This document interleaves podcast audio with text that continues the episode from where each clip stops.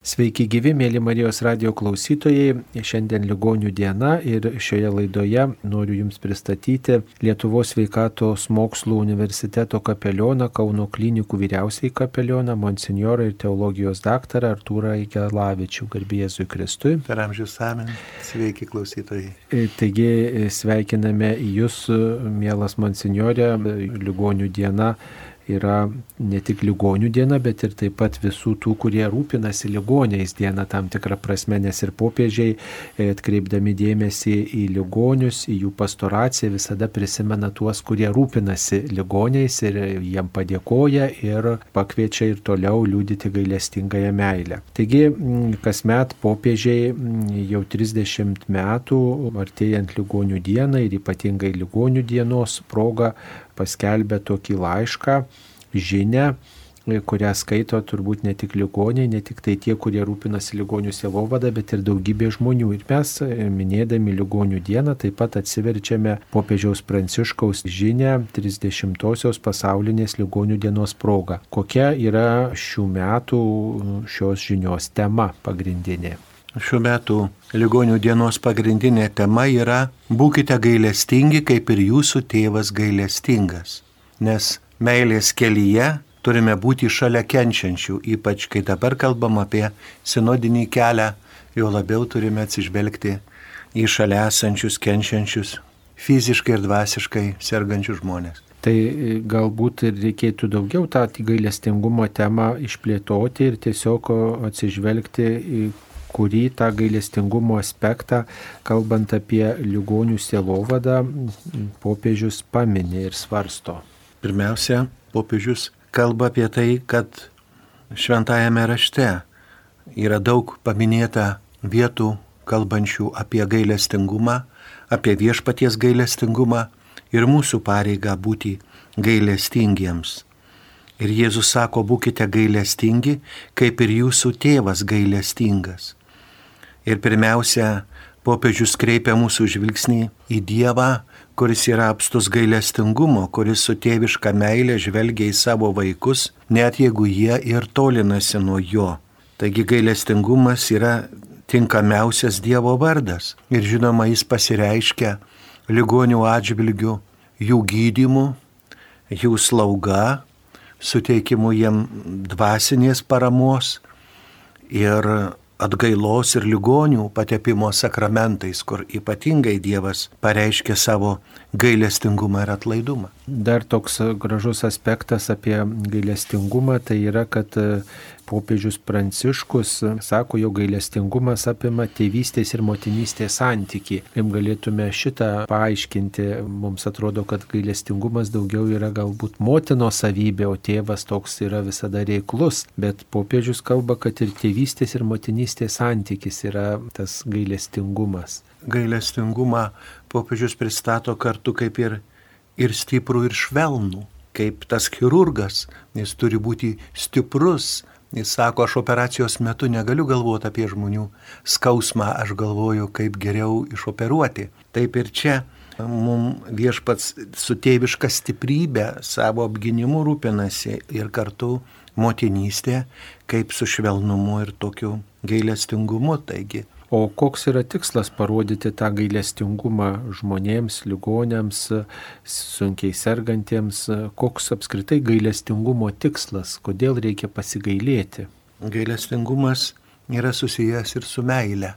Kaip didysis įsakymas mums liepia mylėti Dievą, o artimą kaip save patį, tai reikšdami gailestingumą ne vien emocinį, bet ir veiklų, rūpindamiesi, pagelbėdami mes išreiškiame savo meilę artimui, bet kuriam žmogui ir kartu jam suteikiame pagalbą, jam padedame nesijausti vienišam.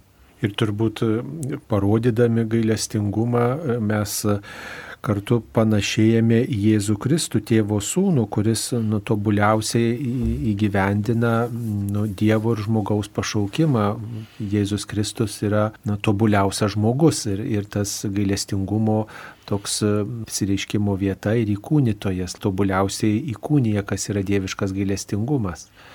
Ir evangelistai pažymi, kad Jėzus vaikščiojo skelbdamas Evangeliją ir gydydamas to krašto ligonius.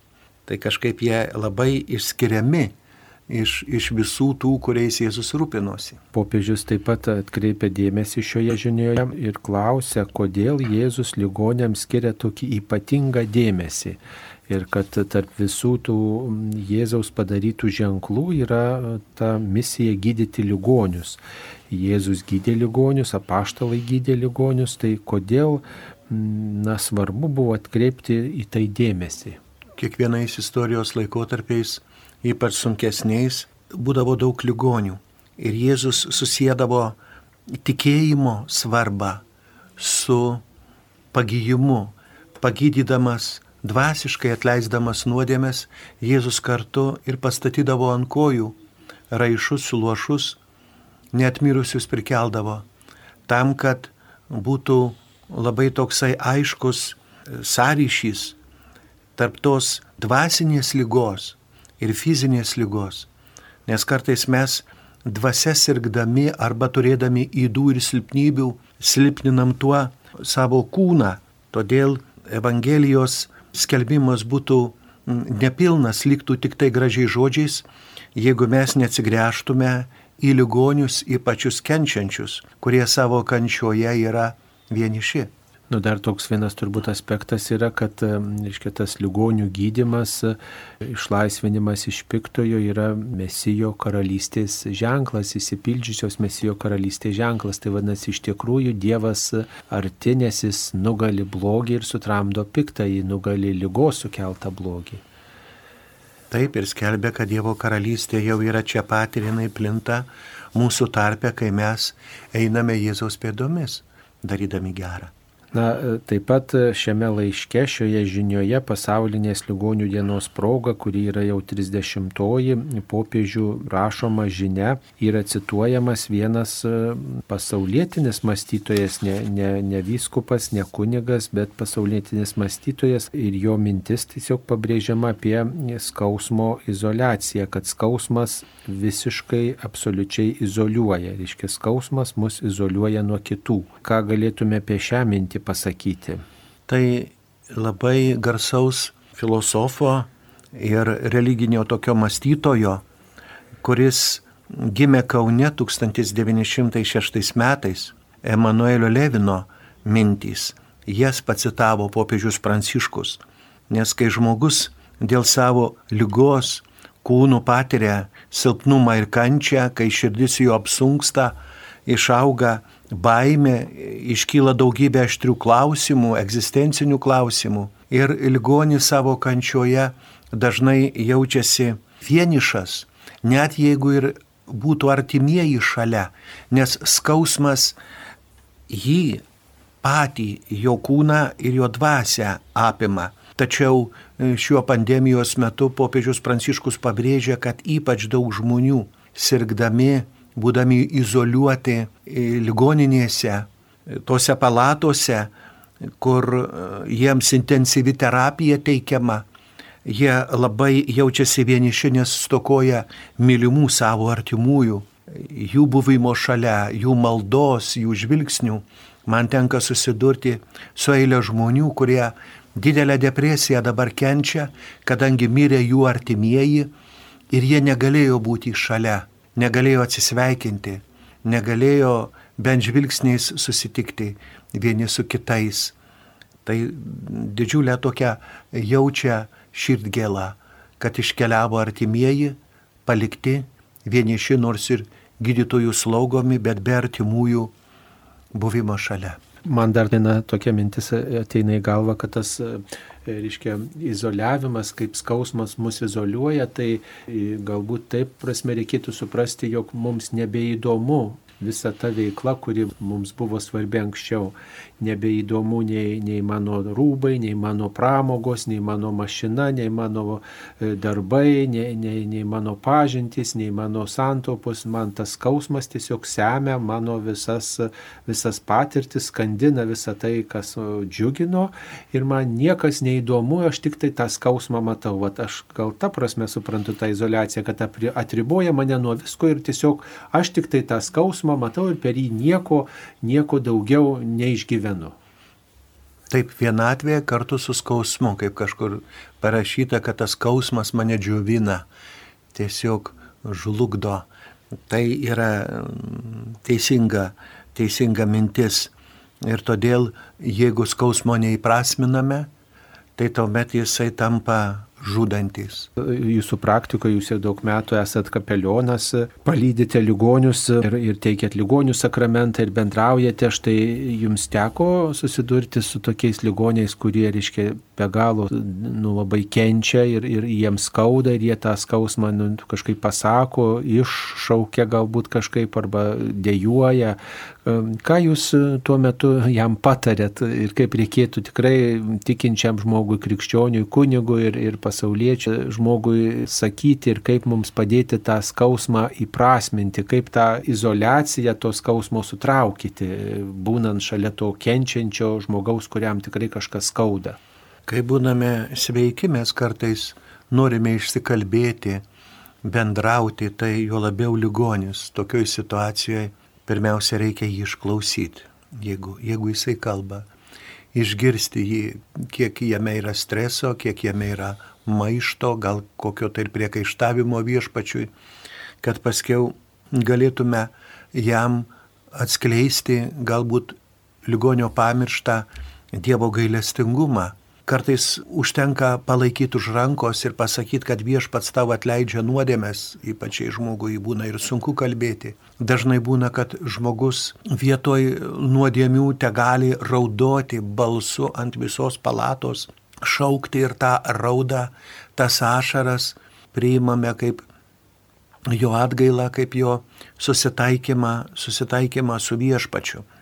Sunkiausiai būna, kada žmonės netiki Dievo gailestingumu ir jie tada atstumia sakramentinės malonės ir neviltyje būna. Todėl nuo senų senovės bažnyčios tėvai rašė, kad didžiausias piktosios dvasios yra laimėjimas ir kada ji žmogui įkalba tiesiog neviltį, liūdėsi, visišką desperaciją ir ligonių atžvilgių tai yra labai arti, ypač sunkios lygos metu, mirtinos lygos, kada čia pat yra mirtis, kad nemirtis viską užbaigia, kad reikia akcentuoti ligoniui, kad mus pasitiks gailestingas viešpats. Dar esu girdėjęs, kad kai kurie e, ligonių selovadui dirbantis dvasininkai ir, ir Sielovados asistentai, pasauliečiai tiesiog patarė kartoti Jėzaus vardą kančio, žinot, sunku jau žmogų gali ir kalbėti, ir sunku kažką pasakyti, ir daug gali ir pykčio, ir jis neturi net ir jėgų ten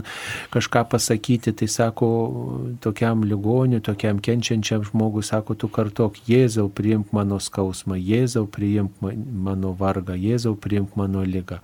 Ar tai pralaužia tuos izolacijos ledus tokia, tokia malda, ar jinai tokia tinkama tokiu atveju, kaip man? Ji labai tinkama, nes bažnyčios tėvai kalba, kad ir prieš mirtį dar žmoguje vyksta kova, dar piktoji dvasia nori jį nugalėti tai, ką žmogus savo dvasia, dvasiniam gyvenime laimėjo, tame paskutinėme mūšyje piktoji dvasia nori sunaikinti ir tą pagundą į liūdėsį, į Dievo atmetimą, į užsispyrimą ir įslaptinimą savo nuodėmių ir neatsiskleidimą, tai tas Jėzaus šaukimasis ir yra šaukimasis to, kuris viską nugali. Kaip Jėzus sako, nebijokit pasaulio, aš, aš nugalėjau.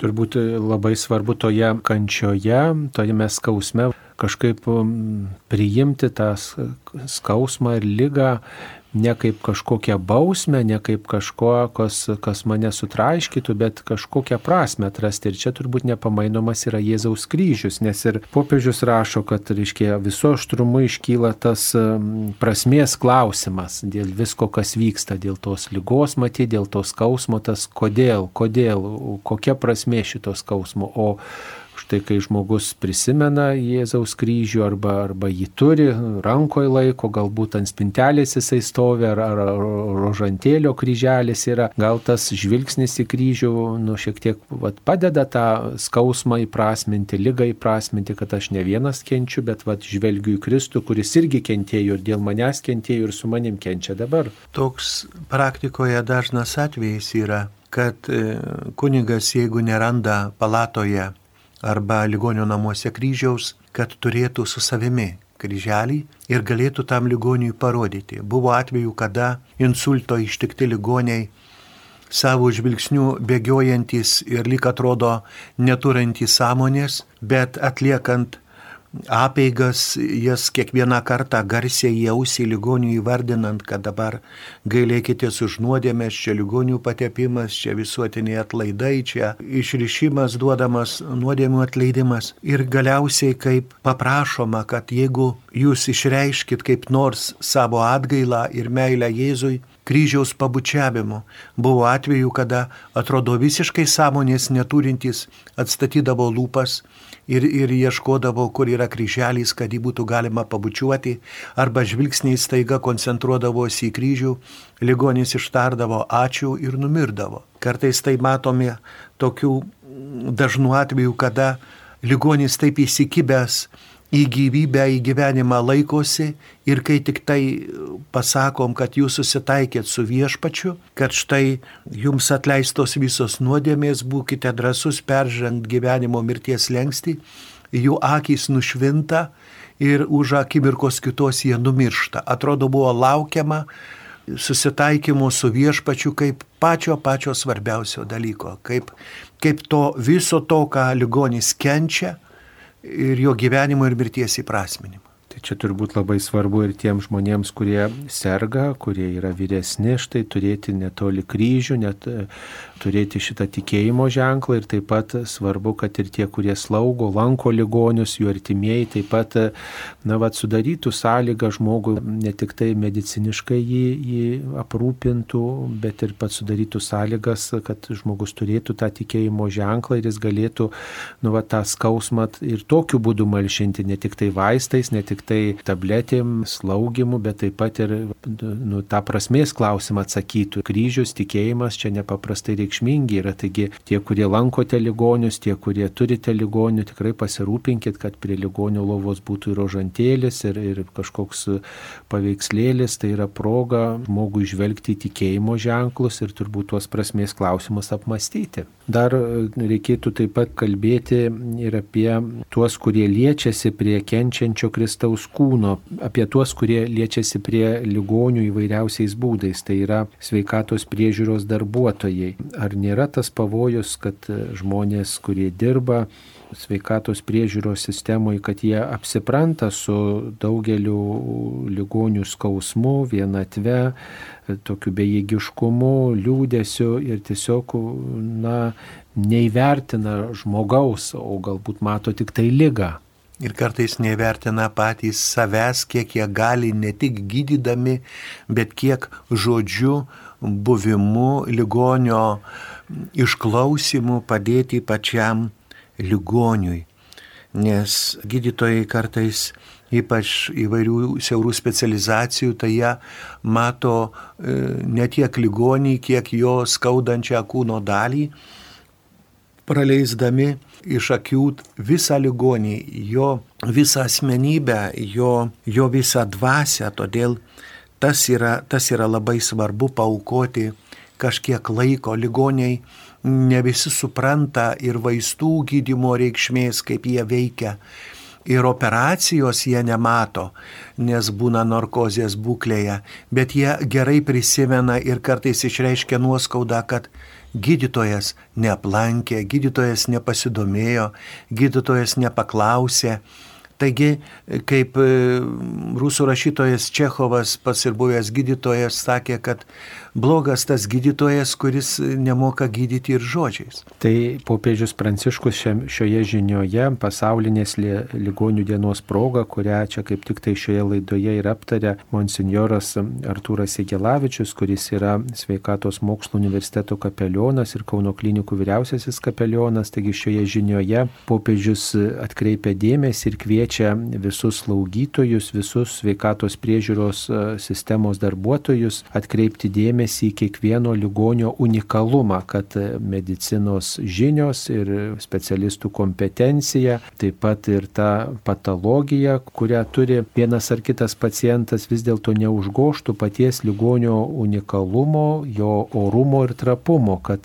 tas išklausyti pacientą, išgirsti jo istoriją, nerimą ir baimę, tai yra didelis turbūt gydimo toks elementas, į kurį turbūt dažnai nu, netkreipiamas dėmesys ir kažkodėl gydytojai gal tą nuvertina ir tuos ligonio skundus ir tas istorijas, kurias jie kartoja galbūt daugybę kartų arba nerišliai kartoja ar, ar padrikai ar ten netiksliai, bet tai yra jo būdas gal bendrauti ne? ir, ir gal ir gydytojams tai yra pasakojama, bet primenama tai, bet galbūt neįvertina tos svarbos gydytojai kartais, manau ne visi, bet kai kurie labiau skaito tyrimų rezultatus, įvairias išvadas tyrimų ir nepasišneka dėl, dėl esminių dalykų, kaip buvo tokia prieš daug metų istorija. Seneliai skundėsi, kad koja skauda, buvo atlikti tyrimai, nieko tokio labai ypatingo neparodė, bet kol galiausiai vienas gydytojas sako, nusiauk batus parodyk, pasirodo prasideda gangrena. Taigi tas rimtas toks išklausimas, nes tikintiems gydytojams, slaugytojams, pastoraciniam darbuotojams svarbu prisiminti, kad Jėzus įsitapatina su kenčiančiu, su sergančiu aplankėt ligonį, mane aplankėte. Tai jeigu kiekviename ligonyje nors atvaizdą, nors šešėlį Jėzaus matytume, jau bendrautume kitaip, jau nuoširdžiau. Na tas ryšio užmėsgymas turbūt svarbus ne tik tai gydytojams, bet ir mums dvasininkams ir taip pat apskritai visiems žmonėms, kurie nori nu, tokį kontaktą su žmogum um, palaikyti, turėti kontaktą. Tai prisimenu vieną tokią iš tokios kunigiškos patirties, viena tokia istorija buvo mano praktikoje, kai e, teko lankyti tokį ligonį, kuris nu, gal ir priešiškas tai buvo bažnyčios atžvilgiu ir, ir priešiškai nusiteikęs, bet aš jau tą žinojau ir tiesiog atėjau ir nesakiau, kad aš čia maždaug noriu ar tavo išpažinties išklausyti, ar tau ligonių sakramentą suteikti, bet tiesiog prasidėjo kalba nuo tokių paprastų dalykų, nuo jo profesijos, dar kažką, žodžiu, labai iš toli kalbėjomės apie visiškai tokius nuo tikėjimo nutolusius dalykus ir tas pokalbis truko gana ilgai, apie vairiausius dalykus kalbėjomės Ir paskui visai to pokalbio pabaigoje jis pamato, kad aš ir kunigas esu ir tada Nu, sako, tai jūs čia turbūt sakramentus teikėt, nu tai tada jau gal ir vat, ši, ši, šitų klausimų pašnekėkim. Tai aš padariau išvadą, kad vat, tas ta ilga labai įžanga, kuri daugybę laiko sugaišino, jinai buvo ne veltui, bet tai buvo ryšio užmėsgymas. Ir tiesiog manau, kad kiekvienas kunigas galėtų tokių pavyzdžių papasakot, kai tas atrodo nereikšmingas pokalbis, nereikšmingos detalės, kažkokios smulkmenos, pasaulietiniai dalykai, o jie parengė žmogų sakramentui. Galim prisiminti pavyzdį ir amžinos atminties jezuito kunigo Merkio, kurisai daug bendraudavo su žmonėmis, pats šluodamas gatvę Kaune, Rotušės aikštė prie jezuitų bažnyčios ir užmėgsdamas pokalbį prieidavo prie dvasinių dalykų. Štai daug stačiatikių šventųjų kalba ir patarė, kad norint skelbti Evangeliją, kad ją žmonės išgirstų, pirmiausia reikia siekti, kad tu pamiltum tuos, kuriems skelbi, jie tave pamiltų, tik po to jie žymiai nuoširdžiau priims tavo skelbiamą žodį. O jūsų praktikoje yra buvę tokių istorijų, kad kalbat atrodo apie niekus, apie kažkokius pašalinius dalykus, o pasirodo, kad čia vis dėlto buvo labai reikalinga įžanga ir pagalba žmogui pasiruošti, prisijaukinti jūs ir, ir tiesiog suprasti galbūt, kas jūs per žmogus esat, kad galėtų vat, priimti ir susitaikinimo sakramentą arba ligonių patepimą. Kelias tas atvejų buvo ne vien ligonių tarpe ir tų, kurie senai buvę iš pažinties, jie apžiūri kunigą, kalbėdamiesi, juos kausto baime ir kuo jie ilgiau kalba, tuo ta baimė silpnėja, atsiranda nuoširdumas, draugiškumas ir paskui po kurio laiko joje paprašo, ar negalėtų kunigas išklausyti iš pažinties, ar ten ligonių patepimą suteikti. Taigi pirmiausia reikia taip sušildyti santykius tarpusavio. Taigi tas svarbu, kad mes na, ne iš karto prie reikalo eitume turbūt įvairiuose klausimuose ir ligonius ypatingai lankydami, tai yra ir tam tikras gailestingumo parodimas, kad mes parodom, jog mums rūpi tas žmogus, jog mes įsiklausom, mes, mes bendraujam, mes kalbamės, tik tai kartais turbūt mes užimti žmonės pagalvojam, kad tai yra laiko gaišimas, kam čia, kaip sakant, tuščiai burdaušinti reikia prie reikalo maždaug.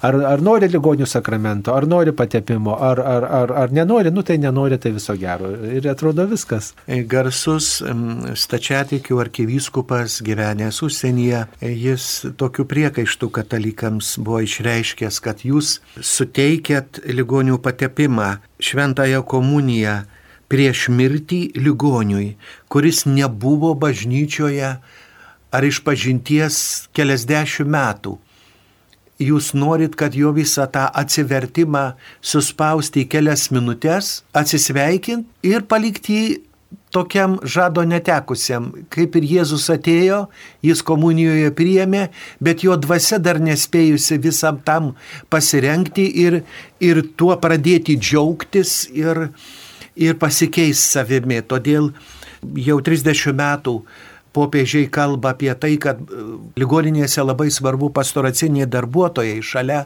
kunigų tie akolitai, tie ekstraordinariniai šventos komunijos atnešėjai, kad jie kalbėtų, jie testų tą dvasinę pagalbą ligonėms, kad jie dabar įvertintų, kiek dar jiem liko laiko iki mirties, kas įvyko jų tarpe, kas įvyko su jais, kai jie atliko išpažinti, gavo ligonių patepimą, priėmė šventąją komuniją, kokia dvasios ir sielos kaita.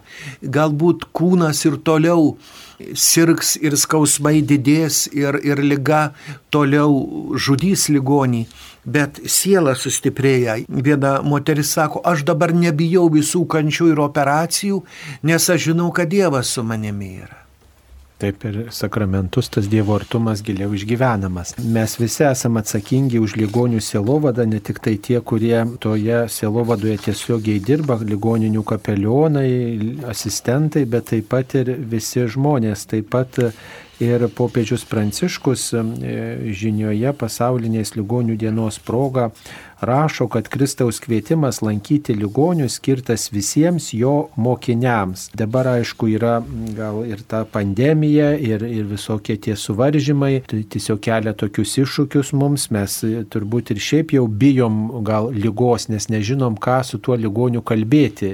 Pavyzdžiui, jeigu mano ar tarp pažįstamų giminių, ten kaimynų kažkas serga, tikriausiai žmonės dažnai šitą jausmą pažįsta, kad vis atidėlioja tą vizitą susitikti su sunkiai sergančiu žmogum arba su vienišu žmogum, su, su tokiu pagyvenusiu žmogumi, nes atrodo apie ką kalbėti, nes e, to sergančio žmogaus interesai labai susiaurėja, jam skauda, jisai nežino, jisai jau nesiorientuoja gal, o, o, o man čia vėl, nei aš čia žinau, kaip elgtis e, su ta lyga galbūt, galbūt ir, ir bijau kažkaip ir įžeisti, įskaudinti, nei čia sveikatos linkėti, kai jau žmogus jau gal, kaip sakant, ruošiasi iškeliauti, tai turbūt yra tas atidėliojimo pavojus, tas vengimo, tas nusistatymas, vengti susitikti su, su ligoniais, ar esate su tuo susidūręs, girdėjęs apie tokius atvejus?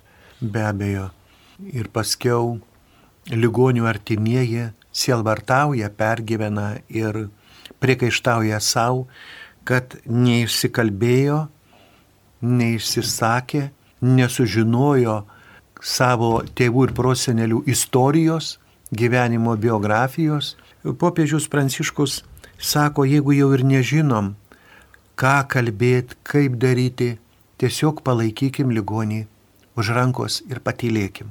Prieš keletą metų mirė vienas Vytauto didžiojo universiteto profesorius ir abu žinojom, kokia lyga serga, kad tai nepagydoma mirtina lyga. Jei jam sakyčiau, kad tu pasveiksi, viskas bus gerai, meluočiau ir būtų dar skaudžiau. Tiesiog paduodavom vienas kitam rankas, pažiūrėdavom į akis, pažiūrėdavom kartu pro langą, patylėdavom. Ir tam ligoniui būdavo svarbu, ar aš einu pas jį dabar specialiai, ar aš eidamas aplankyti savo sergančio giminaičio pro šalį ėjau ir pas jį užsukau. Tai vad, kartais tekdavo, na ir kaip čia pasakyti, nu ir pagudraut pasakyti, kad atėjau pas tave pirmiausia, nes dėmesio, tie ligoniai laukia, laukia dėmesio, arba jeigu būna jie tokie maištaujantis ir, ir denorintys susitaikyti su viešpačiu, tai stačiatikių kunigai tokią žinią turi, kad tada reikia ligoniui pasakyti, kad jeigu jūs nenorit, tai aš už jūs melsiuosi. Ir tiesiog kažkokiomis maldomis ar ligoniui žinomomis iš vaikystės arba kitom melstis, kad ligonys girdėtų, kad šalia jo stovi, meldžiasi ir būna atveju, kada jie buvo nusisukę į sieną, po kurio laiko atsigrėžia ir su ašaromis žiūri kunigui į akis, sako, gyvenime niekas po mano mamos mirties daugiau už mane nesimeldė. Jūs antras, kuris melžia. O apie ką tos maldos, jeigu žmogus jau guli mirties patale, ar čia prašyti sveikatos, pagyjimo, stebuklo, ar palaiminimo, ar prašyti ramybės, ar susitaikymo, ar viešpati kviesti, kaip žmonės melstis. Tiesiog gal pradėti nuo neutralių maldų, nuo poterių kalbėti, tėvė mūsų, sveika Marija, garbė Dievui tėvui, prašant ligoniui arba, arba sveikatos, arba jam kantrybės, išminties, atsivertimo malonės, Dievo gailestingumo įvertinimo. Tie, tie dalykai yra, yra svarbus. Svarbus žmogui žinot, kaip ir mano mama, jausdama, kad artėja mirtis, sakė, sunaus, tenkis melstis kuo daugiau už save, nes kai aš numirsiu, žinok, daugiau niekas už tave nesimels. Numeldžiasi amžinybė. Taip, aplamai, bet taip, žinot, čia žemė. Į, įvardint, kad kažkas kitas pasaulietis ar kas taip jau, o už tave. Tai taip rečiau būna. Na va, tai tikrai mes vieni kitiems turim būti tokia turbūt parama. Tikrai ir tie žmonės, kurie priimat ligonių sakramentą, nepamirškit ir už tą kunigą pasimelst, kuris šis sakramentą suteikia arba kaip laukiat kunigo atvykstančio į jūsų namus, ar į jūsų palatą, į jūsų ligoninę, į tos slaugos namus, kuriuose jūs esate. Tikrai te palaimina viešpats tą kunigą ir te padeda mums tikrai švesti viešpaties artumą. Turbūt tai nėra labai dažnas dalykas, kad ligonis melstusi ir už tą, kuris teikia jam ligonių sakramentą, pavyzdžiui. Senuose katekizmuose buvo rašyta apie tai, patarimai tokie, kad ligoniui laukiant ne tik sutvarkyti kambarį, padėti žvakes, ten batos, vandens, bet ir kartu su juo melstis, kad jį dvasingai nuteikti tam susitikimui su kunigu, tų sakramentų prieimimui, galbūt per, per gailesčio aktus, nuodėmių prisiminimo, sąžinės sąskaitos punktus ir panašiai. Tas, tas labai įdomu, kad skaitant ir dėstant studentams apie tai, kaip žydų religijoje irgi yra ligoniui kalbamos maldos, jis irgi yra dvasia stiprinamas peržengti gyvenimo mirties lengsti. O ar dar yra paplitęs tas paprotys arba tas toks prietaras, kad e, štai jeigu jau kunigas peržengia palatos, ligoninės lengsti, tai jau viskas, tai jau reikia kuo ilgiau atidėlioti tą susitikimą su kunigu, nes kitaip mirtis tu jau pačia pasibels. Tas prietaras klaidingas požiūris dar yra gana gajus. Galbūt, sakyčiau, išdryščiau pasakyti, kad tai buvo kažkada tai prieš šimtmečius padaryta bažnyčios klaida šį sakramentą ligonių patepimą pavadinti paskutiniu sakramentu, bet kartais žmonės bijo, artimieji bijo, kad kunigo apsilankimas pribaigs ligonį, o vienas kenčiančio ligonio sūnus pasakė, man suteikus ligonių sakramentus reanimacijoje vienam ligoniui sako, ar galėtumėt prieiti prie mano tėvoko, jis taip pavadino. Jis labai kenčia ir mums gaila, kad jis kankinas ir nenumiršta, jį patepkit jau ir tada jam bus baigta. Ir ar ir buvo numirs. baigta? Nežinau šito, bet tas va, toks požiūris, va, jūs jį pribaikit, liktai tas sakramentas yra kažkoks mirties nešėjas. Tai, tai labai klaidingas požiūris. Taip ir turbūt reikėtų pasakyti, kad tai yra proga sustiprinti savo sielą, savo kūną ir atverti savo gyvenimą labiau Dievui. Proga viešpaties artumą išgyventi ir kaip tik tai viešpaties valiai save pavesti. Juk jeigu viešpats norės, kad iškeliautume, tai kaip tik tai tai bus pasirengimas, o jeigu viešpats norės, kad mes gyventume, tai kaip tik sustiprins žmogų turbūt toje kančioje ir tas sakramentas nėra šiaip savo tik patepliojimas. Ta, apie tą reikia mums visiems prisiminti ir turbūt iš anksto gal apie tai kalbėtis, kalbėtis su sunkiai sergančiais žmonėmis ir nelaukti galbūt tos e, sunkios lygos eigos, o turbūt kalbėti su žmogum, kad va kunigas ateis, palaimins, atneš komuniją, jeigu bus poreikis, priimsite ligonių patepimą, žodžiu, tokia praplėsti tą paletę turbūt. Būtent paaiškinant, kas yra ligonių patepimas. Tai ne tik atleidimas nuodėmių tiems, kurie kalbėti negali patys, bet ir kartu yra visas apstumas maldų, kad būtų pagydyti, išgelbėti arba padrasinti ir sustiprinti, iškeliauti į, į amžinybę. Tas yra labai svarbu. Dar vieną mintį norėčiau pabrėžti iš šios žinios pasaulinės ligonių dienos proga.